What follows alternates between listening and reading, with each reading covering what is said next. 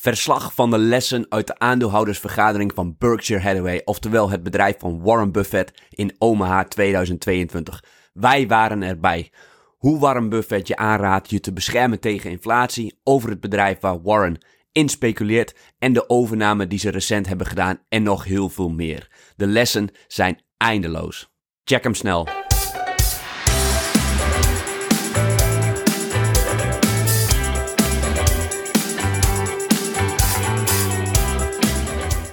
Ja, leuk dat je luistert. Mijn naam is Rowan. En mijn naam is Barbara. En we zijn kerstvers terug uit Omaha in het mooie Nederland. We hebben behoorlijk kunnen reflecteren op wat we daar allemaal geleerd hebben. Want wij waren de studenten afgelopen weekend.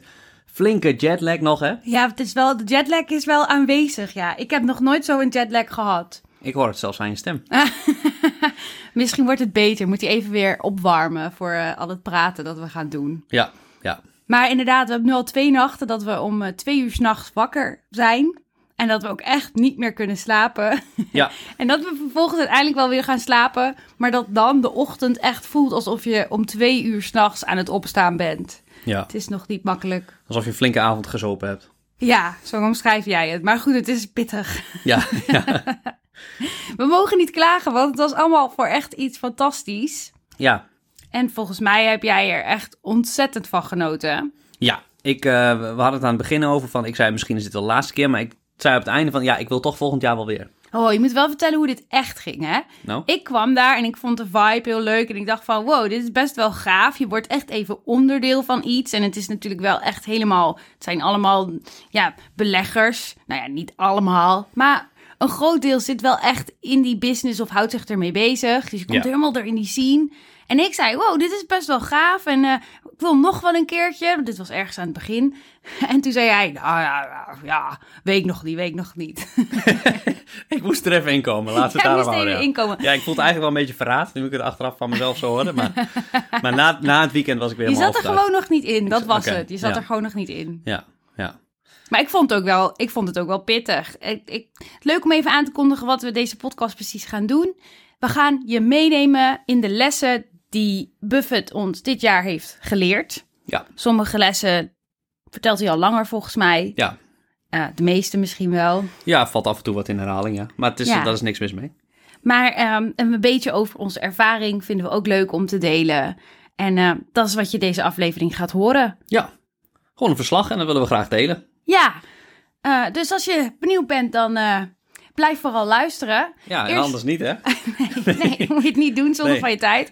Maar eh, leuk om nog even te noemen. Wij hebben een gratis training voor mensen die willen beginnen met beleggen. Dus mensen die de basisbeginselen achter beleggen willen leren snappen. En mensen die willen index beleggen. Wij hebben daarvoor eh, onze instapcursus. Die hadden we eigenlijk al. Maar die hebben we helemaal vernieuwd. En nu gratis beschikbaar gemaakt. Omdat wij het echt belangrijk vinden dat die informatie er gewoon goed en duidelijk is. Ja. En omdat we toch vinden dat je ziet dat er in de markt helaas nog steeds ook veel foutieve, onjuiste, onvolledige informatie is. Ja, Dat vinden we heel erg jammer. En daarom willen we met onze cursus ervoor zorgen dat mensen de juiste informatie krijgen en dat ze daar gewoon gratis toegang voor eh, tot hebben. Omdat ons motto eigenlijk vanaf het begin is geweest: we willen beleggen, beleggen toegankelijk maken voor iedereen. En daar is dit wel echt onderdeel van. Het was ooit de eerste cursus die we gemaakt hebben. Met Ja, knikkende ja. knieën, denk ik, online gezet. En het was grappig om dat terug, even nog terug te kijken voor het maken van deze nieuwe cursus. Dan, eh, ja, het is wel heel anders dat je toen voor de camera stond en uh, Ja, met nu. je was echt een stuk ongemakkelijker. Ja, dat is wel ja. echt grappig. Een beetje stijf nog en zo onwennig. Een beetje zenuwachtig. Ja, Ja, echt. Ja, een beetje hoog in de adem. Ja. Ja. Nou goed, daar, niks daarvan dus in deze nieuwe training. Dus ken jij iemand die wil beginnen met beleggen of die er meer over wil weten? Verwijs ze vooral naar onze cursus, want daar kunnen ze alle informatie gewoon gratis krijgen. En we hebben het zo opgezet dat ze daarna direct kunnen beginnen met beleggen zoals bij hun past. Ja. Ja, want het is goed om te zeggen, als je al deze podcastafleveringen hebt geluisterd, alle 133, ja, dan ben je waarschijnlijk wat verder dan die instapcursus. Vandaar ook de naam instapcursus. Maar misschien ken je wel iemand in je omgeving dat je zegt van die moet echt eens gaan beleggen. Of je kent iemand die belegt in allerlei opties of goudmijnbedrijven en die lekker aan het speculeren is. Die denkt van ja, je moet het toch even misschien terug naar de basis. Ja, raad dat aan zou ik zeggen. Want wij willen graag dat de Nederlanders op een hele slimme en verantwoorde manier beleggen. En inderdaad, wat jij zegt, op de manier die bij je past. Want voor heel veel mensen zal dat misschien indexbeleggen zijn. Ja, want ik denk dat dat, dat brengt mij wel echt naar de les die ik eruit gehaald heb uit de aandeelhoudersvergadering. Oh, we, gaan de, we gaan de les in. ja, we gaan de lessen in. Dat is dat, ehm, dat hij echt zo mooi uitzoomde weer naar die lange termijn. Het ging er onder andere over dat zij de afgelopen tijd niet veel gedaan hebben. Waarop ze ook antwoorden dat ze het duur vonden ook. En dat Ja. ze daardoor weinig kansen zagen die heel aantrekkelijk waren. En hoe hij daarover vertelde, dit was voor mij echt de les die ik er het meest uitgehaald heb, is dat uitzoomen wat zij durven te doen. Gevoelsmatig, ze zijn ontzettend oud nu natuurlijk, 91 en 98 Ja. Gevoelsmatig, ze hebben een hele lange markt meegemaakt. Dus ze, hebben, ze zijn opgegroeid in de nasleep van de Grote Depressie. Ze hebben de Wereldoorlog meegemaakt. Ze hebben de eh, internetbubbel meegemaakt. Ze hebben de financiële crisis natuurlijk heel actief meegemaakt. En er zitten er vast nog wel een paar wat meer Amerikaanse tussen... die misschien net iets minder bekend zijn bij ons. Ja. Dus er zit zo'n hele geschiedenis. En ehm, wat ik echt iemand vroeg in de, in de vragen die, ah, die ze als aandeelhouders mochten stellen aan hun ook van hoe is jullie timing zo goed geweest al die tijd? Jullie lijken heel vaak goed getimed te hebben. Nou, dat ontkenden ze. Daarvan zeiden ze dat is niet zo. Maar toch valt het op dat, daar heb jij het ook al wel eens over gehad, voor die, finan- voor die internetbubbel, sorry, ehm, deed hij niks. Zei hij, ja, ik, ik snap niet dat internetding niet, ik doe niks. En zeggen mensen achteraf, hij kreeg gelijk, want het was een bubbel en het explodeerde, zeg maar. Ja. Maar wat het mij heel mooi gaf, is de manier waarop hij erover praatte. Het voelt ook zo van, hij durft gewoon te denken, ik doe een x aantal jaar niks. Nou, als ik heel eerlijk ben en ik kijk naar mijn eigen beleggen met mijn mini-ervaring, dan, dan voelt dat alsof dat niet aan de orde is. Alsof je gewoon elk, elke maand ermee bezig wilt zijn of elk half jaar. En dan, Ja. het voelt in ieder geval een jaar niks doen. Ja. Een jaar niks doen? Is dat voor, ik weet niet hoe, hoe sterk de luisteraars hierin zijn, maar heb jij wel eens een jaar echt helemaal niks gedaan? Ik heb denk ik nog nooit een jaar geen transactie gedaan. Nee. Nee. En als je dan kijkt naar Buffett, zijn filosofie en hoe die durft uit te zoomen en gewoon durft te zitten wachten en zegt: Ik vind de markt nu gewoon niet goed, er is nog meer tijd. Ja. Ik wacht. Dacht ik van: Oh ja, de kracht daarvan, dat uitzoomen. Ja, en dat totale uitzoomen en dat ook in het verlengde daarvan, die aankoop. Want hij heeft dus sinds zeven jaar geleden dit kwartaal, afgelopen kwartaal, weer zijn grootste aankoop ooit gedaan met 11,6 miljard. Nou, zo groot is dat eigenlijk niet als je zijn cashpositie ziet, die nu nog steeds slechts 100 miljard is. Is wat geslonken, dus hij heeft wat minder, eh, minder te besteden. Nou kan hij daarvan niet alles uitgeven, maar... eh, ja, hij heeft alle, Allegheny, ik weet niet hoe je het precies uitspreekt. En dat is nog een mooi verhaal zo, dat komt nog bij jou denk ik terug. Dat vind ik fantastisch. Eh, heeft hij gekocht, een verzekeraar. En dat bedrijf heeft hij dan helemaal gekocht. Hij komt natuurlijk losse aandelen, maar vooral ook hele bedrijven bij voorkeur. En dat heeft hij dus al heel lang niet gedaan. Hij heeft wel losse aandelen als Apple gekocht, maar de rest niet. Dus omdat hij alles zo duur vindt. En dat is dat wachten wat, wat jij bedoelt. Ondanks, wat ik nog wel even wil zeggen. Hij, veel mensen denken hij gaat op zijn cash zitten. Ja, dat, is, dat is denk ik een misvatting. Want ook in al die jaren, afgelopen jaren, is hij altijd nog voor 80% beleg geweest. Ja, Dus hij zit er wel in. Hij laat alleen wat meer cash opbouwen en is een stuk minder agressief. ik denk ook dat het verkeerd om bekeken is. Het gaat hem niet om het op zijn cash zitten. Zoals Charlie Munger zei, eh, ons weer herinnerde was... Het gaat er vooral om dat je geen fouten maakt. En wat zij gewoon echt doen is wachten tot de goede kans zich voordoet. Ja. Juiste Ja. prijs, juiste bedrijf of juiste aandeel. Ja, ja, en dat vond ik voor mezelf ook wel mooi, want ik ben daar misschien zelf ook iets te hebzuchtig geweest met een wat snelle groei. Ik heb één snelle groeier in portefeuille en daar misschien wat te hebzuchtig geweest. Ik had misschien langer moeten wachten, want dat is weer wat met die Allegheny. Ehm, hij kent het bedrijf al 60 jaar. 60 jaar volgt hij dat bedrijf, is een verzekeraar. Dus dat is natuurlijk in zijn competentiecirkel, want hij heeft de heel, eigenaar van heel veel verzekeraars. En ja, toevallig dat hij die CEO dan sprak. Ik weet niet meer hoe dat precies te sprake kwam. Maar eh, in twee weken was de deal ook afgerond. 11,7 miljard. Normaal gaat dat jaren duren. Maar dat hebben ze gewoon in twee weken afgehandeld. En puur op basis van vertrouwen ook. Hij noemt een prijs en dan, eh, dan gaat dat zo geregeld worden. En eh, ja, ja dat, dat vind ik wel fantastisch. En ja, maar dat hij dus 60 jaar wacht op het juiste moment om te kopen. Dat dat nu dan is. En dat is toch een bekroning van een... dat is dus dat perfecte uitzoomen en dat geduld hebben. En eh, ja, je hoeft niks. En je- wat jij zegt, mensen voelen altijd dat je wat moet. Ja, en daar gaat het hem niet om. Voor hem gaat het om wachten op, op de juiste prijs. En anders niet. Ja, en daar wordt je leven ook gelijk heel relaxed van. En dat is denk ik het, misschien wel het belangrijkste, dat hij daarom zo oud is geworden. dat is niet van de colaatjes en de peanut brittle. eh, Nee, die, die peanut brittle. Ja, ik, ik kende dat niet. Maar dat is dus een, voor degene die het ook niet weet, dat is van Seas Candy. Dat is een van de bedrijven die ze hebben. En daar verkopen ze peanut brittle. Het is een soort eh, pinda's die dan in een soort karamellaagje zitten. Wat dus heel knapperig is. En, Ja. en dan zitten ze tijdens die, vooral in dit geval Charlie Munger, tijdens die aandeelhoudersvergadering, dat de hele tijd te eten. beetje te knagen, hè? En echt te knagen. En je hoort het dus gewoon door die microfoon. heen.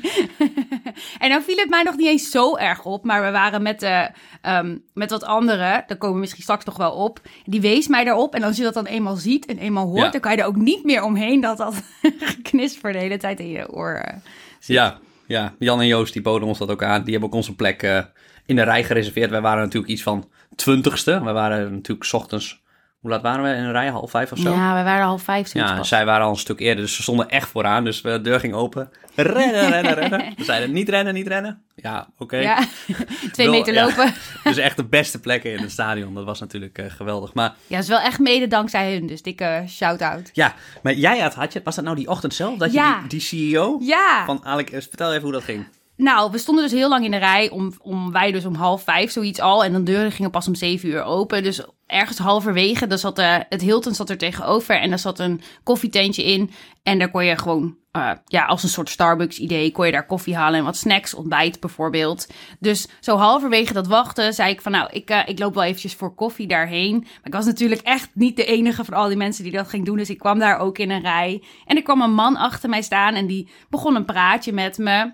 En eh, ik, ik vroeg hem wat hij of hij niet eh, vroeg in de rij moest gaan staan. En dat eh, ging er dus over dat wij daar al zo lang stonden. Zei hij, nee, nee, hij had speciale plekken. Dan niet in de pit, wat dan echt helemaal vooraan is, maar bepaalde gereserveerde zijplekken. Dus ik vroeg zo van, oh, oh, wat doe je dan? En heb je Buffett ook wel eens ontmoet dan? En toen zei hij dus dat hij, ja, ik verstond het niet helemaal, dat hij dus iets van een management of, of weet ik veel wat positie bij eh Allegheny, zeg ik het dan goed? Ja, ik denk het. Eh, dat, hij, dat hij daar een positie had. Dus nou ja, wij nog even kletsen die hele rij door. En ik denk later, ja, je zit lang te wachten tijdens zo'n aandeelhoudersvergadering. Dus ik dacht, ah, nog even kijken of ik kan vinden wie die man nou precies was.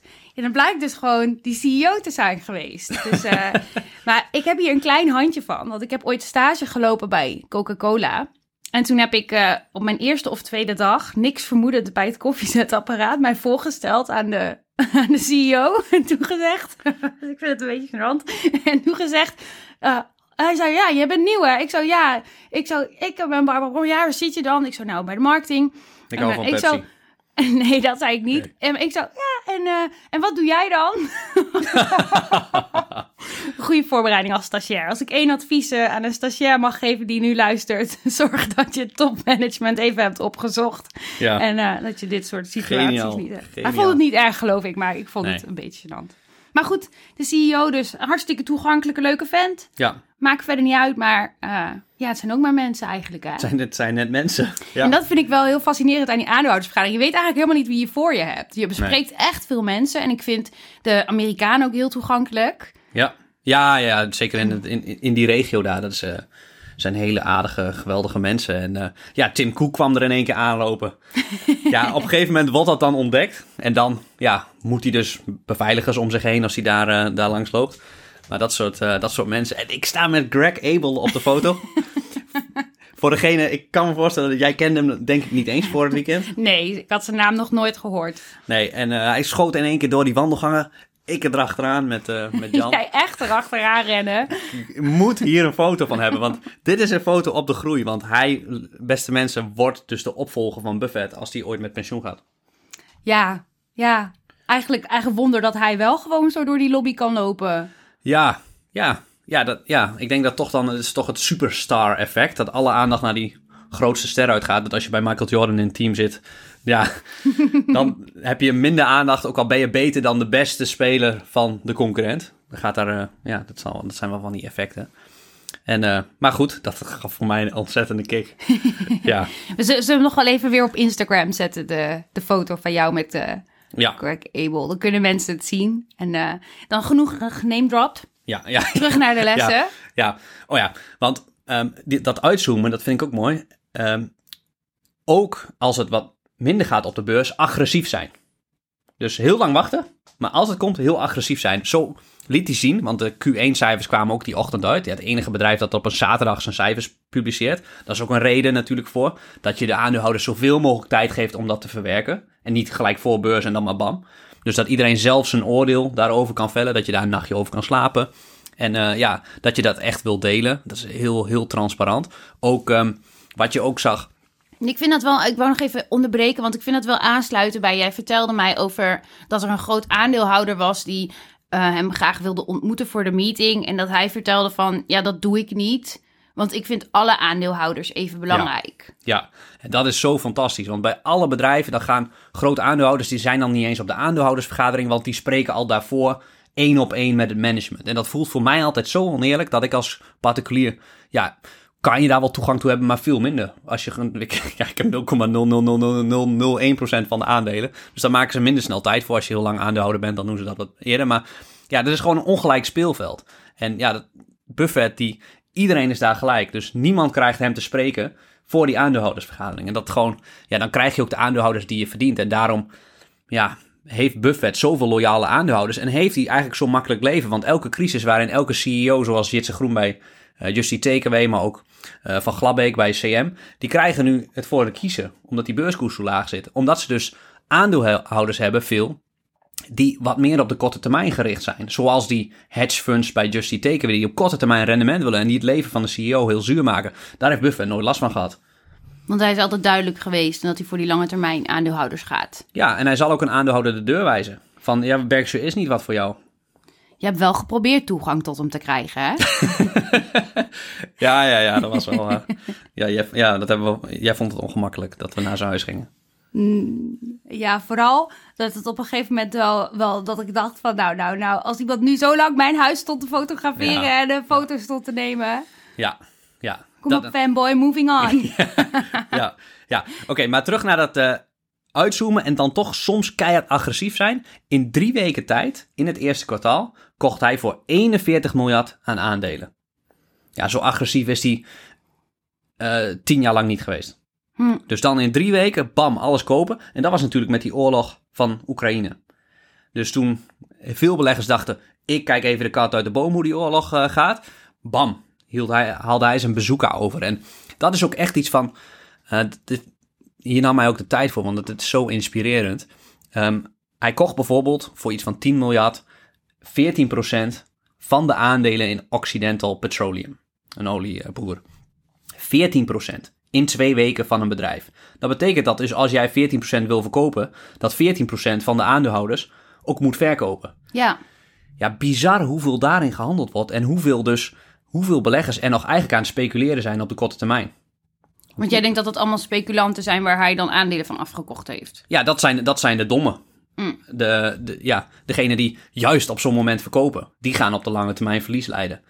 En uh, ja, dus, dus dat is de kans. En dat er dus zoveel volatiliteit is, dat hij dus in stilte, zonder die beurskoers echt heel te beoefenen, 14% kan opbouwen in zo'n bedrijf. En dan te bedenken dat ook nog heel veel van die aandelen, ik geloof dat hij zei 40%, in de handen is van de BlackRockjes, de Vanguard, de... Ja, dus helemaal eigenlijk niet in die zin publiekelijk getrade worden. Ja, van, ja, dus van de indexfondsen, en daar wordt wel wat misschien verkocht, maar dat is vooral in vaste handen. Dus dan is het eigenlijk nog veel groter. En dat is, dat is zo bizar en dat blijft toch die menselijke psyche dat ze denken, ja, we moeten toch misschien uh, voorzichtig doen, ons geld uit de markt halen. Ja, dat is, dat is precies omgekeerd. En dan ga je dus verlies leiden als je op zulke momenten je geld uit de markt haalt. Met beleggen op de lange termijn. kan wel een keertje goed gaan. Ja, maar technisch gezien weet je nog helemaal niet of het een goede move was van hem. Ik bedoel, dat is dan blind vertrouwen op zijn track record. Dat hij daar weer scherpe keuzes in maakt. Ja. Ja, dat weet je niet. En het kan misgaan, want er zijn natuurlijk bij zo'n bedrijf ben je een beetje afhankelijk van de olieprijzen. Dus daar, ja, daar, zit wat uh, gokwerk in. Maar uh, hij kent die bedrijven natuurlijk ook al dat zijn ook bedrijven die 50 jaar bestaan. Hij heeft ook het afgelopen kwartaal een groot deel van dat bedrag in Chevron gestopt. De klassieke oliespeler. De Shell-concurrent eigenlijk.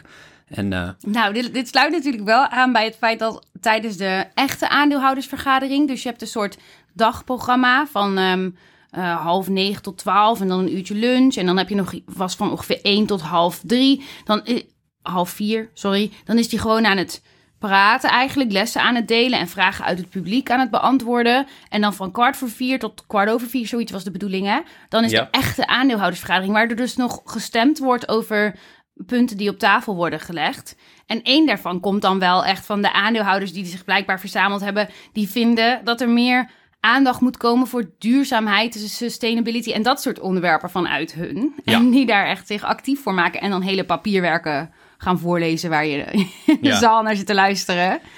Ja, en dan komt dan wel wat boelgeroep uit, uit de zaal. Hè. Dat vind ik dan weer niet zo mooi. Ik vind dat die mensen ook moeten, moeten kunnen spreken. En dat het ook wel goed is om dat in balans te brengen. Ja, ik vind ook zulke, eh, dit soort dingen, dat is ook een soort van onderdeel van de democratie. Dat, Ja, je, ja. Dat, dat mensen elkaar in balans houden op die manier. Dat sommigen strijden voor een bepaald iets en daar hun stem laten horen. En dat mooi afgezet wordt tegen iets anders. Maar wat ik vooral bedoel is, ik snap ze wel. Hij zit, hij zit niet per se in de duurzaamheid of de sustainable-achtige bedrijven. Nou ja, terwijl zijn energietak, eh, Berkshire Energy, wel volgens mij de grootste windmolen eh, producent van Amerika is. Midden-Amerika volgens mij. Oké. Ja, ik vind dat een beetje lastig, want heb je je daar ooit in verdiept? Ik denk dan van ja, zij weten ook echt wel een beetje wat er leeft in de markt. Dus natuurlijk gaan ze dan in dit, dit, gaat, dit zagen we in het promofilmpje dat ze dan van half negen tot negen afspelen of zo, waar al die bedrijven die die heeft langskomen in soort commercial-achtige dingen. Ja, ja. En daar was dus ook een heel item over hun energietak. En er werd eentje specifiek uitgelicht. Wat ik dan ook wel weer vind opvallen. Want dan denk ik, ja, die doet blijkbaar het beste op dit moment op, op, eh, op dat Ja. duurzame energie. Ja, die wordt natuurlijk wel een beetje gepaaid. Ja, ja. Ik bedoel, het is een zakenman, hè? laten we dat niet vergeten. Hij komt heel eerlijk over. Is die denk ik grotendeels. Maar ik denk ook dat hij een genadeloze zakenman is. Ehm, ja, Ja, ja. Ja, en je zou kunnen zeggen, geld is nu niet meer, nu niet meer echt belangrijk voor hem. Een 100 miljard weggegeven. En nog 120 miljard te gaan. Ehm, anders was hij nog, denk ik, de rijkste van de wereld. Als hij niet zoveel had weggegeven. Maar ehm, ja, nu koopt hij dus weer klassieke olieboeren. ja. Dus, dus hij is wel eh, extreem rationeel, is dat voor mij. Dat, dat is voor hem gewoon de beste deal op dit moment. En dat koopt hij dan ook. Ja, hij is echt bezig met dat spel. Hè? Dus daar kun je van alles van vinden. Maar ik vind het ook wel fascinerend. Hij is echt bezig met dat spel van... ik ben op zoek naar de beste kans. En daar ga ik voor. Ja. En hij laat eigenlijk dus ook een beetje dat soort andere onderwerpen aan anderen. Ja. Ah. Ja. Oké, volgende les. Mooi, ja. Ehm, nou, wat, wat ik, iets grappigs wat ik vond, dat Buffett ook een beetje aan het speculeren is. Want hij heeft bijvoorbeeld eh, aandelen Activision Blizzard, de 9,5% in dat bedrijf. En het bedrijf is eigenlijk de grootste eh, westerse gameproducent, videogameproducent. En een beetje aan het speculeren, want er ligt een bod van Microsoft van 95 dollar per aandeel in cash. Wat kijk je? Ja, meneer Bill Gates zat vooraan in de pit eh, hem te bewonderen.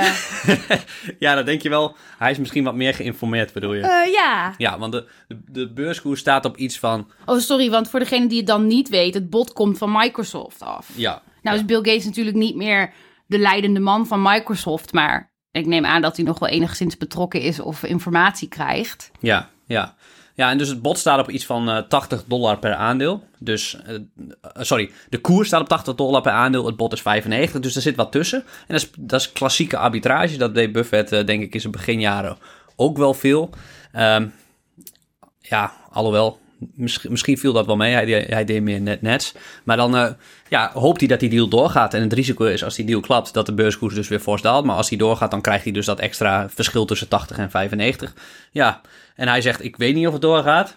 Ik weet wel dat Microsoft genoeg geld heeft om het te betalen. Soms is dat een risico. maar dat is in ieder geval eh, geen risico, nee. Hmm, nou ja, het is ook maar de vraag of Bill Gates daar een eh, licht op kan schijnen. Want als dit nog bij de autoriteiten hangt of zo, dan... Ja, ja in Amerika weet ik het niet hoeveel ik- invloed daar leeft. Ik geloof niet dat hij dat daardoor de, dat, dat een 1-2'tje met Bill Gates, die er overigens ook was natuurlijk, ehm, dat, daar, eh, dat daar wat speelt. Dat geloof ik niet. Nee, nee. Nee, ik... Dat, dat wil hij oprecht niet weten. Dat wil je ook als mens niet weten. Je wil niet eh, op inside informatie echt gaan handelen. Er kan niet echt sprake zijn van inside informatie, toch? Als het eh, bijvoorbeeld nog afhangt van of de autoriteit de deal goedkeurt. Eh, ja, dat is, dat is denk ik het grootste risico, om het niet door te laten gaan. Ja, maar ik bedoel, als je dan praat met Bill Gates, die vaker met de autoriteiten heeft gepraat over bepaalde overnames, over dingen, die heeft natuurlijk wel een bepaalde mate van risico-inschatting, waarin hij kan zeggen van, deze deal lijkt op die en die deal die we een keer gedaan hebben, en toen kwam het helemaal goed, want een argument was dit, dit en dit, en dat is toen gewoon doorgegaan. Ja. Ik bedoel, ga mij niet vertellen dat Gates niet meer ervaring en meer inzicht heeft dan bijvoorbeeld jij en ik in, in zo'n overname. Zeker, zeker. Ja. Ja. Nou goed, we gaan verder. Ja, nou, alhoewel Gates is natuurlijk ook echt niet, niet meer echt bij Microsoft betrokken. Dus eh, die, die wist waarschijnlijk alleen via een persbericht van, eh, van deze overname. Ja, maar dan nog kan hij natuurlijk wel inschattingen maken. Nou ja, maakt niet Ja. uit. Oké, volgende. Ja? Ehm, ja, inflatie. Er kwamen ook wat vragen over hoe je je daartegen beschermt. En ja, Ge- Oh ja. Geel Buffett, jij weet zijn antwoord? Ja, maar vertel jij maar. Nou, eh, dat je je als, dat is Buffett die levenslessen natuurlijk gratis eh, deelt, eh, dat je je kan beschermen door ergens heel goed in te zijn. Bijvoorbeeld de beste dokter van de stad. Dan zal daar altijd vraag naar zijn. Nou, hoeveel, ja, Ik heb onthouden dat hij het voorbeeld gaf van de... eh, als je een hele goede vioolspeler bent, dan zullen we je altijd betalen om viool te spelen. Als je de, een van de beste bent. ja, ja. Dus Ja. het gaat dan wel over ontwikkel jezelf. Want je moet wel echt... Je, je kunt dus niet dan middenmoot zijn. Nee, nee. Je moet eigenlijk je persoonlijke mode creëren. Ja, En eh, dan zul je altijd beschermd zijn tegen inflatie. Want dan kan je, daar is altijd, zijn altijd bereid mensen voor te betalen. Zelfs als er geen geld meer is, dan willen mensen iets ruilen tegen die diensten. ja En dan zul je precies. het altijd, altijd goed doen. Dus dat was zijn... eh, ja, hij refereerde ook naar het boek eh, Outliers, hè? Van Malcolm Gladwell, over die 10.000 uur regel. Daar was hij het niet mee eens, toch? Ja? Volgens Ja? mij wel. Hm. Ja, jij kan beter zijn Nee, accent verstaan, dus misschien... eh, nou, ik dutte af en toe. Ja, een klein stukje eh, op mijn schouder, hè? Ik dacht, wat ligt er nou op? eh? ik had het wel zwaar. ja, het is ook vijf uur lang luisteren en... En ze praten wel echt traag, hè? Kijk, voor wie de stream heeft gevolgd, die zal het echt herkennen. Maar dat is nog taai, denk het ik. gaat wel een beetje zo.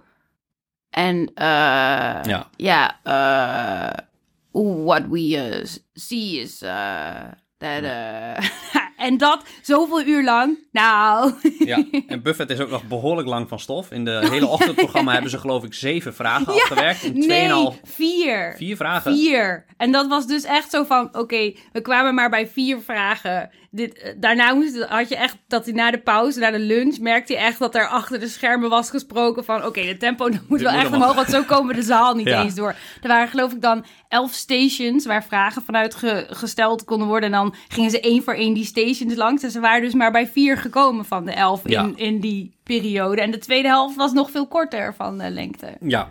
ja, en ik denk als ze daarmee in de middag waren doorgegaan, dan, dan was het een slaapzaal geworden. Ja, Dan, eh, maar ja, ik, na de tijd, en dan hoor je ook wel veel kritiek daarop, dat, het zo, dat er langzaam gepraat wordt en dat Buffett heel veel aan het woord is. Want Buffett en Munger zitten dus op het podium, maar daarnaast zitten Greg Abel, die we inmiddels allemaal kennen, en Ajit Jain van de verzekeringstak. En Greg Abel is van de, de operaties, onder meer van Berkshire eh, Energy, Energy en eh, daar de, eigenlijk de CEO van. En ja, dat, kijk, ik, ik vind niet kritiek op Buffett, wel dat hij wat, wat veel praat, maar je kan niet kritiek hebben op dat hij wat langzaam praat en in herhaling valt, want het is maar net wat je verwachtingen zijn. Die man is 91. Als je, als je verwacht dat je naar de Buffett kijkt dan toen hij 50 was, ja, dan valt het inderdaad tegen. Maar eh, ja, als je vorig jaar ook gekeken hebt, dan weet je het nou toch wel dat het zo gaat zijn. ja, ja, want dat is al een paar jaar wat. wat- hij praat gewoon langzamer. Dat is, dat, hij praat waarschijnlijk nog steeds sneller dan mij, maar eh, nee, dat is eh, ja, En, en mooi hoe voor dat laatste deel, toen de echte aandeelhoudersvergadering begon, toen werd Charlie Munger eh, eh, uit de zaal begeleid. oh ja, Want eh, Buffett zei, ja, hij is een, hij is een aantal keer... he, he was caught on camera a couple of times falling asleep. ja, ja, Dat is ja, toch mooi? ja, dat was, dat was ja, het is vond- heel veel humor. Ja, ik wou net zeggen, ik vond wat er echt voor mij uitstond en wat het ook draaglijk maakt, is, is dat het gewoon ook, ze zijn echt ook gewoon heel grappig. Ja, de interactie met z'n tweeën. Ja, en de voorbeelden die ze noemen en de zelfspot een beetje, de, de humor, dat is echt, dat maakt het leuk. Ja, Ja. ja. En wa- wat ik, wou, wat ik wou zeggen, inderdaad, ja, ik vind niet dat je Buffett daarop mag afrekenen, dat, dat hij langzamer praat en dat hij wat in herhaling valt. Het is denk ik heel goed om de lessen nog de, in de laatste jaren voordat hij met pensioen gaat eh, te, te herhalen. Maar wat ik misschien wel een puntje van kritiek, Ik vind het heel moeilijk om kritiek te uiten op Buffett. Dus Oh. misschien dat ik mijn stem eh, iets anders... eh, want het is toch, het is toch je held. Ehm, maar ehm, we hadden het vorige week over Good to Great, dat boek van Jim Collins. eh, hoe je nou de, beste CEO's herkent. En ja, de beste CEO's maken hun opvolgers klaar voor de job. En wat aandeelhouders wel willen weten, is dat eh, wat Greg Abel te melden heeft en Ajit Jain. En daar worden wel vragen aan gesteld. Ehm, maar vooral Buffett pakt een heel groot deel daarvan op. En die, die trekt daar alles weg. Terwijl ik denk mensen wel veel meer zouden willen praten over de operaties. En niet, eh, en, en niet zozeer echt de Buffett show. Wat veel mensen, die verhalen, die, die kennen we inmiddels wel. En dat was denk ik, zoiets is dan een mooie kans om ze gewoon meer naar voren te schuiven. Zodat we ze alvast leren kennen voor als eh, Buffett en Munger er straks daar niet meer zitten. Exact, exact. Exact. En dan laat je, want als Buffett nu in één keer weggaat, dan denken mensen, ja, wie, wie zijn die twee personen? Ze zaten wel aan die tafel, maar ze hebben een paar woordjes, eh, woordjes gezegd eigenlijk in die paar uur dat ze daar zaten. Ja, dat, eh, dat is wel jammer. Die zou die meer, eh, ja, die wil je eigenlijk meer de vrijheid geven om zich te profileren. Maar ja, het is wel grappig. Je merkt echt dat Buffett bepaalde dingen onzin vindt. En dat hij daar dan echt wat, soort van wat mee moet. Omdat hij die, die CEO-positie heeft. Volgens mij was jij dat die mij vertelde dat, hij, dat zijn favoriete tijd eigenlijk was toen hij nog helemaal alleen opereerde. Toen hij echt gewoon alle beslissingen, alle dingen gewoon zelf kon doen. En niet, eh, ja, niet door al die toestanden heen hoefde en zo. Dat denk ik, ja. Ja, Ja, vond ik wel fascinerend. Toen dacht ik van ja, hij wordt ook gewoon, hij heeft zijn eigen mening en hij doet het gewoon echt goed. Hij is uitmuntend in wat hij doet. En dan oh, word je gebonden aan al die regeltjes en al, die, eh, al dat papierwerk waar je dan in één keer wat mee moet, waar je helemaal niet op zit te wachten. Wat je afleidt van dat wat je eigenlijk wil doen. Oh, ik kan me de frustratie voorstellen. Ja, en dat hebben wij als particuliere beleggers eigenlijk een mega voordeel. Want wij kunnen gewoon eigenwijs zijn en zelf beslissen. Zonder ons te laten beïnvloeden en daar gewoon zelf over nadenken. Oké, Oké, maar dat is dus eh, de inflatiebescherming. Los van de standaard dingen die die natuurlijk ook doen. Maar wij ook wel regelmatig hebben als, als pricing power en de, de sterkste bedrijven. en levensles dus. Zorg dat je gewoon ergens goed in bent. Wat nog in de toekomst ook nodig is. Ja, leer jezelf een, eh, een skill aan. En dan dek je jezelf ook persoonlijk in. ja en dat dat dus eh, in 10.000 uur kan. En dat is eigenlijk heel weinig, want dat is maar drie uur per dag. Over een periode van 10 jaar. Ja, moet je het wel oké vinden dat je het dan over, over, over tien jaar pas echt goed kan. Ja, nou, nou als, je, als je dat doet, 10 jaar, drie uur per dag, gemiddeld. Nou, in het weekend kun je een hele dag pakken, dus dan kan je een keer een dagje zelf overslaan. En dan ben je, de, ben je, ben je echt, behoor je bij de echte wereldtop qua beleggen. Dat is wel intens hoor, drie uur per dag. Nee joh. Als je iets doet wat je leuk vindt, dan gaat het vanzelf. Dan heb je een baan en een gezin. En dan moet je daarna nog ergens drie uur vinden. Ja, misschien moet je een baan vinden waar je, waar je nog af en toe een beetje kan smokkelen. Dat je met beleggen bezig kan zijn, wat je wat kan lezen. en Nou, kijk, een baan doe je acht uur op een dag. Dus eigenlijk is dit een des te meer promotie om een baan te zoeken die echt goed bij je past. Waar je de skills leert die je wilt. In ieder geval ongeveer drie uur per dag met de skills bezig bent waar Ja. je je in wilt ontwikkelen. Misschien is dat de truc. Ja. Ja, en ik denk dat vrachtwagenchauffeurs of pakketbezorgers, die zijn daar massaal in het voordeel. Want die kunnen gewoon de hele dag luisteren tijdens hun werk. Ja, ik weet En- niet of je dit moet adviseren. Die kunnen onze podcast luisteren, maar vooral ook alle, alle boeken zijn natuurlijk in luistervorm. Ja, wel goed op de weg blijven letten, hè? Eh, ja. Ja, Ja, ja, want anders is het een iets minder goede investering. oké, ga verder. ja. Ehm, ja, ook iets ehm, over zijn jeugdjaren van eh, dingen leren, maar ook dingen weer afleren. En dat dat afleren soms heel erg moeilijk is. En eh, dat had hij zelf ervaren, want hij kocht op zijn elfde zijn eerste aandeel. Nou, toen lag ik volgens mij nog in de kinder, kinderbox. Of hoe Ja, lag jij in de kinderbox toen hij elf was? Zo van in de Oh jaren ja, 40 wijsneus. of zo? Midden in de oorlog gewoon. Ja, ik heb zo'n eh, verjongingskuurtje recent gehad. En, eh, Je bent een soort vampier. ja, Het eeuwige leven. Blijft altijd jong eruit zien. ja, maar jij weet beter, hè? Ik weet beter. Jij, ja, er was toen nog geen sprake van jou. Zelfs jouw ouders waren er nog niet eens. Oh, oké. nee. Je, je bestond alleen nog als een optie in het universum. Oh, over opties gesproken. Want eh, dat, volgens mij was hij dat ook aan het begin een beetje aan het doen. Vooral ook en technische analyse, en het grafiekjes doortrekken en dan eh, patronen herkennen, kop- en schouderpatroon, dat soort dingen noemde hij. Ehm, dat deed hij eigenlijk vanaf zijn elfde tot zijn achttiende. En eh, daar las hij dan allemaal boeken over. En ja, stel je voor dat je, dat je nu 18 bent en je wil gaan beleggen en je komt een boek tegen over daytrading of technische analyse of je ziet een advertentie. En je gaat erin mee. En als je dat gaat lezen, dan denk je, als je iets leest, tenminste als je jong bent, denk je, oké, zit wat in. Alleen, ja. Dat dan heb jij is- ook gedaan, toch? Je hebt dat wel bestudeerd. ik heb de, ja, op de universiteit heel veel bestudeerd. En ja, ik had geluk dat ik daar heel veel verschillende dingen kon bestuderen. En dan kom je uiteindelijk achter wat werkt en wat werkt niet.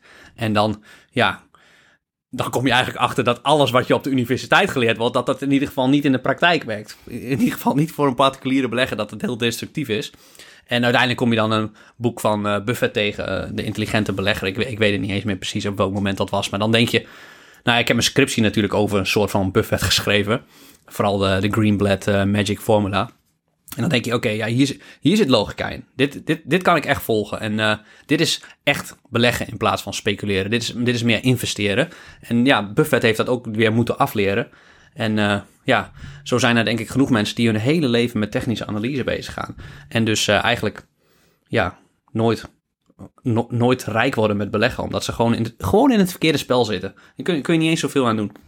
Want als je eenmaal in die, die patronen zit, Was het ook wat je wou zeggen over leren en afleren net? Ja, ik weet niet wat de, wat de les in dit geval precies is, maar gewoon dat het, nee, dat het heel moeilijk is om iets af te leren. Stel dat je nu in crypto zit.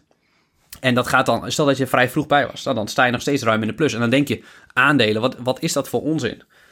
Eh, dan, dan heb je eigenlijk bewijs dat iets goed gaat in je praktijk. Mensen zeggen wel tegen je misschien, ja, misschien moet je toch naar aandelen. Dat is eh, in ieder geval als je op de hele lange termijn eh, een garantie op rijkdom wil, dan is dat waarschijnlijk de categorie, omdat het een productieve asset is en crypto, bijna alle crypto niet. Ja, maar dan is dat moeilijk om een switch te maken. Ook omdat je zo die, het bewijs hebt dat het goed is gegaan. Net als je het bewijs hebt, dat, dus ik weet niet wie dat heeft gezegd, maar eh, misschien Tony Robbins? Nee, die was met verslaafde, dat hij zijn kinderen meenam naar zo'n verslaafde kliniek. Ja, Om dat te laten zien, maar iemand nou die niet dan... een kliniek hoor. eh, gewoon de een, hallen waar de junko op de vloer lagen. Ja, en de naalden. Ja, eerder het lijken, eh, lijkenhuis. zeg maar. Ja. ja. Ehm, Maar wat wou je zeggen? ja, dat, dan, dan was het iemand anders dan Tony Robbins, maar iemand nam zijn kinderen dan mee naar het casino. En die hoopte dan, dat, al- dan mogen ze wat met het geld spelen. En die hoopte dan, oh, laat het alsjeblieft niet goed gaan. Laten ze geld verliezen, want dan heb je voor het eerst in je leven gedrukt, oké, kan geld verliezen. Maar wat bleek, ze, ze wonnen volgens mij de eerste keer. En, eh, maar dat is dus, ja, dat is heel erg bepalend of je gokken leuk vindt of niet. Of je die eerste keer goed wint, want dan krijg je dat gevoel, die sensatie. Nam je mij daarom mee naar het casino? Oh ja, toen met pokeren. Twee keer zijn wij geweest, hè? Twee keer was echt dramatisch, hè? Ja, Eén keer Ja. 100 euro met pokeren.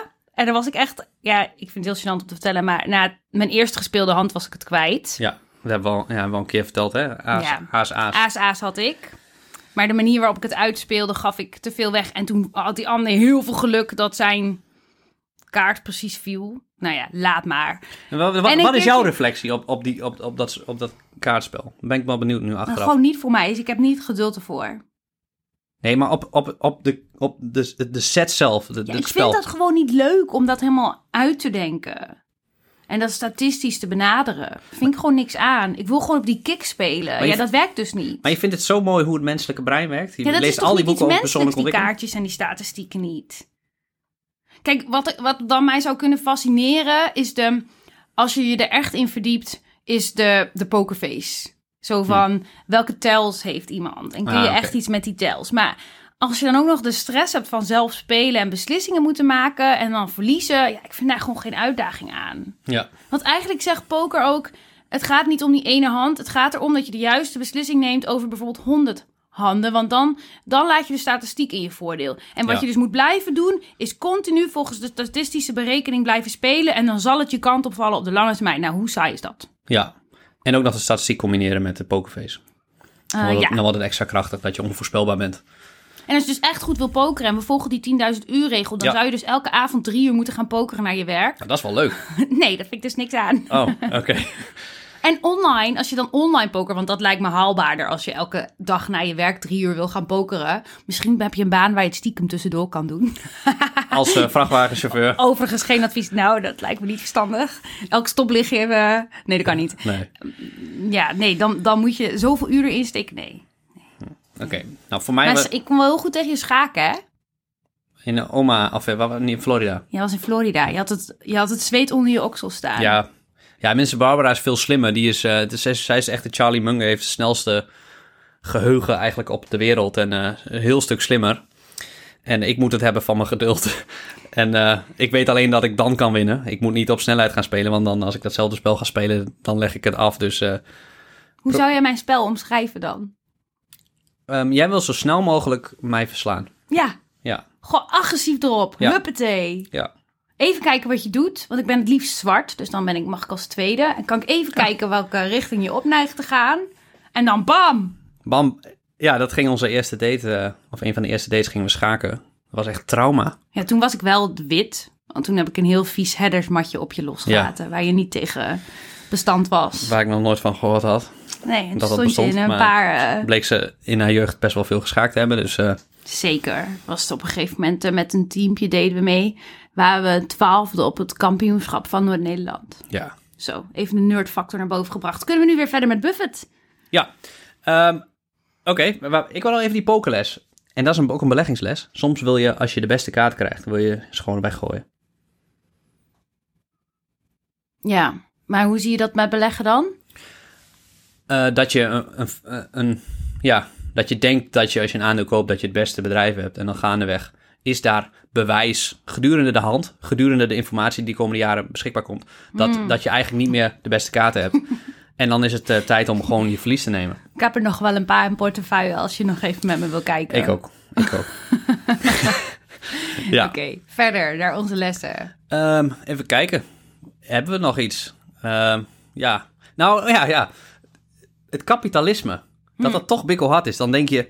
eh, Buffett is natuurlijk vooral bekend om zijn investeringen in Apple en Coca-Cola, maar dat is een klein deel van het bedrijf. Het grootste deel is dat ze eigenaar zijn, bijvoorbeeld van Geico. Dat is een grote verzekeringstak binnen ze. En die zijn gewoon de afgelopen jaren gedisrupt door een concurrent. Progressive, ook beursgenoteerd. En die hebben ze niet geprobeerd over te kopen. Eh, nee, nee, nee. Had denk ik ook niet gemogen, eh, gemogen van regulatoren. Ik weet, ik weet niet precies, maar hebben ze niet gedaan. Oké. En eh, ja, die kunnen gewoon beter verzekeringen prijzen, beter via telematics, dus hoe, hoe mensen rijden eigenlijk, eh, risico's in kaart brengen en zijn gewoon eigenlijk gedisrupt. En eh, dat proberen ze nu te herstellen, dus daar kwamen ook wel vragen over. En ook in een energietak, dat een andere concurrent, want ze zijn ook de grootste treinvervoerder in Amerika, dat een concurrent gewoon beter, eh, het beter doet, betere marges draait. En dat zou eigenlijk niet, niet moeten kunnen, maar dat is gewoon, ja, dat, dan gaan ze dat proberen te herstellen. Ja. Dus het is niet alleen maar koek. Hoe zeg je dat? Koek en... Koek en ei. Ja, oké. Wat, wat ik nog graag wil delen is eh, hun eh, view op eh, de bitcoin. Want daar werden natuurlijk ook wel wat vragen over gesteld. Daar kwamen ook... Uiteraard. Uiteraard, uiteraard. En dat wordt elk jaar Heb je ook gesteld. mijn mening over? Oké, ik ben benieuwd. Nou, een paar jaar geleden noemden ze het volgens mij rattenvergif. Nou, dat woord werd nu niet gebruikt, maar Buffett begon nu wel met een verhaal. Ja, als ik alle vastgoed in Amerika kon kopen, zou ik daar iets van eh 25.000 miljard voor over hebben. En alle, alle akkers in Amerika, om daar eh, landbouwgrond eh, van te maken, of dat is het al. Maar, en dan daarmee geld te verdienen, ook wel 25.000 miljard. Ja, en alle bitcoin wou die nog niet aannemen voor 25 dollar En waarom dan niet? omdat ehm, ja, het geen productieve asset is. En je bent dus per definitie aan het speculeren als je dat doet, omdat een bitcoin over 10 jaar nog steeds een bitcoin is en het genereert geen dividend, het genereert geen huurinstroom of het genereert niks. Maar ik vind het wel, dat is dus mijn mening, ik vind het wel makkelijk hoe, hoe zij crypto's afdoen voor het feit, het klinkt misschien heel lullig, maar ze zijn 91 en 98. Ze gaan waarschijnlijk niet meer meemaken dat die, die cryptocurrency een, een echt prominente rol in ons leven gaan hebben en echt heel belangrijk voor ons worden. Dus is ook wel mooi makkelijk praten. Eh, ja, Je hoeft er op die leeftijd ook gewoon niks meer mee. eh, klopt. Dus ze, ze zullen die technologie qua blockchain en zo, wat fantastisch is, waarschijnlijk niet goed begrijpen. Dus ehm, Nee, maar dan moet je ook niet meer willen. eh, nee. Heel praktisch gezien heeft dat gewoon geen zin meer. Dat gaat hij waarschijnlijk niet meemaken. Nee, nee. dat is gewoon de realiteit. Nee, nee. Nee, en ik, hij heeft denk ik, eh, hij zit niet eens op de, eh, de telefoon en eh, een computer, dus... Ja, is ja, dat vertelde hij. Hè. Zijn, zijn secretaresse printte dan de mailtjes voor hem uit. En één keer in de zoveel tijd als hij het daarnaar had, kwam hij dan die mailtjes halen Ja. om te beantwoorden. ja, ja. En wat zou hij dan met hem, dat heeft hij al niet verteld, zou hij dan met een pen eronder zetten wat hij wil dat zijn secretaresse terugstuurt? Of dan misschien soms zelf, nee, hij beantwoordt dan ook geen mail, denk ik. Ja, dicteren doet hij volgens mij soms naar zijn secretaresse. Oké. Ja, is toch grappig? Kan je, ja, ze print het uit en dan, zodat hij het kan lezen. Ja. Dat is wel lekker zen, dacht ik. Ja, ja. Ik heb hem ook een keer een brief gestuurd. Ja? Ja, ik wou naar hem toe om een bronzen buste van hem te laten maken. Samen had ik een kunstenaar uit Nederland eh, gecontacteerd dat we er samen heen konden. En dan eh, een opbrengsten naar een goed doel. En dan dat ik zelf ook zo'n ding vooral, dat was het doel ook, op mijn bureau kon krijgen. Want dat leek me geweldig, maar op, absoluut kansloos natuurlijk achteraf. Maar in mijn jonge jaren dacht ik van, nou, ik ga daarheen. Ik vind dat mooi. Ehm, maar hij krijgt natuurlijk honderd van dat soort verzoeken misschien wel per Oh, dag. het is pas kansloos als je het niet probeert. Ja, ja. Maar ik heb contact gehad met, met de assistent, dus dat vind ik wel heel Oh, leuk. dat vond jou een hele eer. Zijn, geen eh, foto kunnen beroemde maken. Maar- wat we nu helemaal nog niet gedeeld hebben. Oh, Ja, ik wil nog één ding over eh, wat, wat ik wel mooi vond van Munge, wat die zei over de bitcoin en dat eh, hele eh, schaduwsysteem van eh, die financiële wereld. Ik had nog nooit bedacht, hij noemde dat evil. Waarom? Omdat ehm, het eigenlijk, het is een soort contra iets op het huidige systeem dat we kennen. Het financiële systeem dat we kennen. En als je, ja, bitcoin koopt, zeg je eigenlijk, ik support ons systeem dat de afgelopen 100 jaar eh, perfect gewerkt heeft. Nou, niet perfect, er zijn excessen, dat kapitalisme allemaal niet werkt en dat er allerlei dingen gedaan worden. Maar dat, ja, daar trek je je dan van weg. Het is een soort conspiracy. En dan, dan support, je, support je dat niet meer. Dat is hetzelfde als dat je Sorry, wat support je dan niet meer? eh, ons huidige financiële systeem met centrale banken en dat de controle dat is dat op zo geld. geweldig is, maar het is ook nog maar 100 jaar oud. En wij als mensen zijn weet ik hoeveel jaar oud. En we betalen al duizenden jaren met munten. Want dat, dat wordt gewoon gevonden bij opgraving. Met de Romeinen betaalden ze ook al met munten en zo. En ons huidige systeem is wat? 100 jaar oud? Ja. En dan wordt dat zo neergezet alsof dat een heilige graal is en niemand daar kritiek op mag hebben. ja, maar het is wel het enige. Ik snap het. En er Het is, is gewoon, we zitten gewoon in een trial and error fase. Als je uitzoomt. als je het over de hele historie bekijkt, wel. Maar het, gaat het gaat nog elke. Elke lichting heeft het nog, nog beter. Het gaat telkens nog beter. Dus waarom, waarom zouden we met Nou, dit experiment stoppen? Oké, we gaan nu naar een heel ander onderwerp. Want dan denk ik, het gaat zeker niet beter met onze planeet. Klopt, klopt. Maar ook, ik denk dat het kapitalisme dat uiteindelijk corrigeert. Oké. Maar goed, daar kunnen we een hele, hele, andere kunnen we een hele dit. podcast over maken. Ja, Dus dat gaan we nu niet doen. We gaan nu vooral Buffett eh, eren. Maar ik vond dat een verfrissend iets van dat het evil is. Dat je daar, ja, dat als daar een grote, want dat had hij ook over tribals.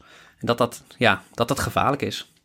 maar denk je dan niet dat je dan te veel blind wordt voor de andere kant... waar het misschien met de wereld wel heen gaat... en dat je je laat leiden door, even heel oneerbiedig... twee oudere mannen op leeftijd die daar nooit meer wat mee zullen hoeven... en zich daar dus ook helemaal niet in verdiepen. Dus wat weten zij er nou van? Ja, ja. En Nee, dan laat jij je daardoor leiden in je, in je visie en mening.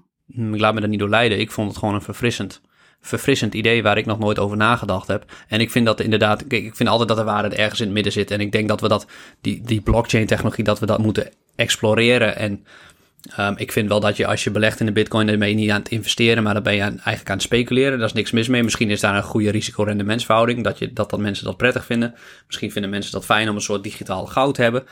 Ehm, en ik snap ook de mensen die bitcoin kopen op basis van het argument... ja, het huidige financiële systeem met de hoge schulden en de ongelimiteerde geldcreatie... ja, dat, dat is niet te houden. En dat wordt dus nu bevestigd door de hoge inflatie bijvoorbeeld. Ja, Ehm, ja, daar valt ook wat voor te zeggen. Maar ja, ik denk dat, dat je aan de verkeerde kant van de medaille gaat zitten... als je gaat wedden tegen dat krachtige systeem. Dan zul je waarschijnlijk... Ja, dat, dat krachtige systeem doe je op... dat wat we de afgelopen honderd jaar kennen. Het, het kapitalisme, het geldsysteem en eh, hoeveel welvaart en vooral ook geluk dat ons gebracht heeft. Hmm. Ja, ik, dat zijn twee verschillende dingen. Vinden dat dat systeem misschien niet houdbaar is voor de toekomst... of vinden dat het ons mooie dingen gebracht heeft. Ja, ja, Het zijn echt twee verschillende dingen. ja. En er ja. zijn ook gewoon echt wel heel veel dingen mis met het kapitalistisch systeem. Ja, en er zijn ook heel veel toonaangevende mensen. Een Ray Dalio die heel iets anders vinden. Als je dan rijken gaat bestuderen en empires in het verleden, dat die altijd weer vallen. En op welk moment gebeurt dat nou? Ja, als, ja misschien wel op dit soort momenten. Oké, oké. Daar is wel een gemeenschappelijke deler in te zien dat dat eh, langzaam minder gaat. Goed, we zitten Ja. al echt lang in de tijd. Maar ik had toch nog een paar dingen, dus ik ga ze toch eh, vragen. Wat we nu eigenlijk helemaal niet gedeeld hebben, is alles eromheen. Want het gaat eigenlijk niet eens alleen om de aandeelhoudersvergadering waar je naartoe gaat. Er zijn ook een heleboel borrels waar je naartoe kan. Ik zit daar niet zo in als jij, maar er zijn een heleboel borrels waar je naartoe kan. Ja, bijvoorbeeld de Nederlandse borrel aansluitend. Maar eh, ja, we zijn ook allerlei activiteiten. Nebraska Furniture Mart geweest. Waar we het vorige week over hadden met Rose Blumkin. Een soort Ikea-achtig. En eh, ja, we zijn we nog naar... eh, wat, wat herinner jij je nog? Ja, Borsheim. Bosheims? Ik dacht Ja. het al, ik dacht het al. Schitterde me tegemoet. Ja, ja. Ik wou je daar eigenlijk niet mee naartoe nemen, maar eh, jij was bang dat je bloed thuis kwam. ja. ja. Een mooie ring gezien, hè? Ja, ja, ja, ja. Hele mooie dingen hebben ze daar. En voor wie het niet weet, dat is dus een van de... eh, Een van de... Een juwelierszaak die dan bij Berkshire Hathaway hoort. Ja, In, eh, in Omaha zelf. ja. Dat was dan vast uit zijn begintijd. Dat dat nog zo eh, klein en dicht bij huis. Want het is gewoon... Het is wel een grote juwelierszaak, maar Ja, het is ook maar gewoon één grote juwelierszaak. ja het tikt niet aan. Nee, je gaat Nee. niet het verschil maken in zijn eh, omzet, denk ik. Nee, het zou een verschil kunnen maken in mijn portemonnee, maar eh, Ja, ja, ja, dat wel. dat, dat hebben we niet gedaan. Nou, en wat dan ook... Ja, er zijn dus een heleboel borrels. Als iemand vorig jaar, volgend jaar er naartoe wil en wil zoveel mogelijk borrels bezoeken... dan moet hij maar contact opnemen en dan, eh, ver- dan geven we je wel een lijstje... met welke borrels er allemaal zijn waar je je op kan schrijven. Je kunt je ook opgeven voor een lunch met Kai Spier... maar wij waren te laat, volgens Ja, mij. ja. Dat is al vol. Maar dat soort dingen zijn er ook allemaal. En op vrijdag ga je dus je kaartje halen alvast in die hal. En daar is een hele expo waar alle bedrijven van Buffett zichzelf presenteren. En dan kan je van alles kopen. En ehm, dat is ook hartstikke leuk om, om gewoon even rond te lopen. Volgens mij heb je nog eh, een mooi boek gescoord. Ja, heel veel boeken, hè? Heel veel boeken. Ja, daar zat ook een leuke les in. Ik had het boek Getting There eh, gescoord. En daar, dat ging over wat succesvolle mensen nou tot hun succes brengt. En de, schrijfster zat er ook bij. En ik vroeg haar, wat is nou de, de key takeaway die je hieruit hebt gehaald? En ze zei, als allereerste hoe mensen omgaan met tegenslag. Dat is heel erg bepalend. Maar het meest bepalend was dat de meest succesvolle mensen toch echt wel een salesachtergrond hebben. Ja, ja. Ja, oh, fascinerend. Stoïcisme. Althans, dat eerste punt. Niet, eh, niet het salespunt. Niet het salespunt. Tegenslag. Ja. Nou, blijkbaar als je jong bent en je denkt dat vooral eens voor een bijbaantje gaan doen, dan eh, voor je latere succes zou je sales Ik kunnen ga eens langs langs de deuren, denk ik. Ja? Ja. ja. Een stukje Gewoon zo'n mooi petje hier, eh, die, die proberen te verkopen. En ja, het ook nog een leuk boek, hè? Ja, heel veel, heel veel leuke boeken. We hebben heel veel, ik heb heel veel boeken gekocht. Nou, niet heel veel. De koffer moet niet te vol. Maar eh, bijvoorbeeld A Few Lessons for Investors and Managers van eh, Peter Bevelin, of hoe je het ook uitspreekt. Maar nog niet gelezen. Nou, daar hoor je ons dan in de toekomst misschien over. Tot slot, wat was je favoriete moment? Ehm, nou, ik vond het wel heel leuk met, ja, als ik de namen mag noemen, Jan, Joost en Deni. Daar zijn we eigenlijk wat meer mee opgetrokken met, eh, met de borrel en zelf ook 's ochtends in de rij staan. En eh, ja, dat vond ik wel... eh, dus bedankt daarvoor, het vrijhouden van die, die plek nog in de rij. We waren heel iets later. En ja, dat, dat, dat vind ik wel heel bijzonder. En het fotootje met Craig Abel. Toch, toch die fanboy dingen. ja. Goed. Nou, daarbij sluiten we deze... Eh, ja, nee, ik vind... ik heb niet echt een favoriet moment. Ik vind gewoon het geheel waar je in valt. De sfeer, alle belevenissen, dat vind ik gewoon echt... eh, Ik, ik weet nu mijn hoogtepunt. Nou, Dat jij met mij mee was. Wat wil een man nog meer dat eh, de, de vrouw mee is naar eh, een beleggerscongres? ja, Ik denk dat, denk dat veel mannen daar jaloers op zijn. En dat jij het ook nog leuk vindt. ja. Dat je niet alleen meegaat. eh Nee, maar ik ben niet zo geschikt voor de borrels, helaas. nee, nee. Nee. Als je daar meer over wil weten, dan eh, moet je mijn Instagram maar volgen. Barbara Brommer. Maar ik, dat is mij te druk. Ja, Ja, over, overprikkeld. Ja. overprikkeld raak Ja. ik dan. Maar dat geeft verder niet. Ik, eh, ik heb er wel echt heel veel van genoten. En ik ben heel goed in mijn eigen weg daarin zoeken. Dus dat helpt Ja. dan. ja. En, eh, En je hebt mij daarin geïnspireerd dat je vooral ook eens moet voelen hoe dat is. En ik dacht altijd dat ik daar ook prima was. Maar ik krijg, krijg daar ook wel prik- eh, veel prikkels van. dus dank daarvoor. En eh, ja, luisteraar denk ik ook heel erg bedankt voor het luisteren. Vind je het nou leuk om dit te luisteren? Dan help je ook ons om meer mensen te bereiken. Als je een keer in je, in je podcast spelen zoals eh, Spotify of Apple Podcast een, eh, een sterrenrating geeft. Het liefst vijf sterren natuurlijk als je het leuk vindt. Ja, als het minder is, dan laat maar hoor. Ja, ja. En eh, bedankt voor het luisteren en eh, tot de volgende week. Tot de volgende keer. Doei doei.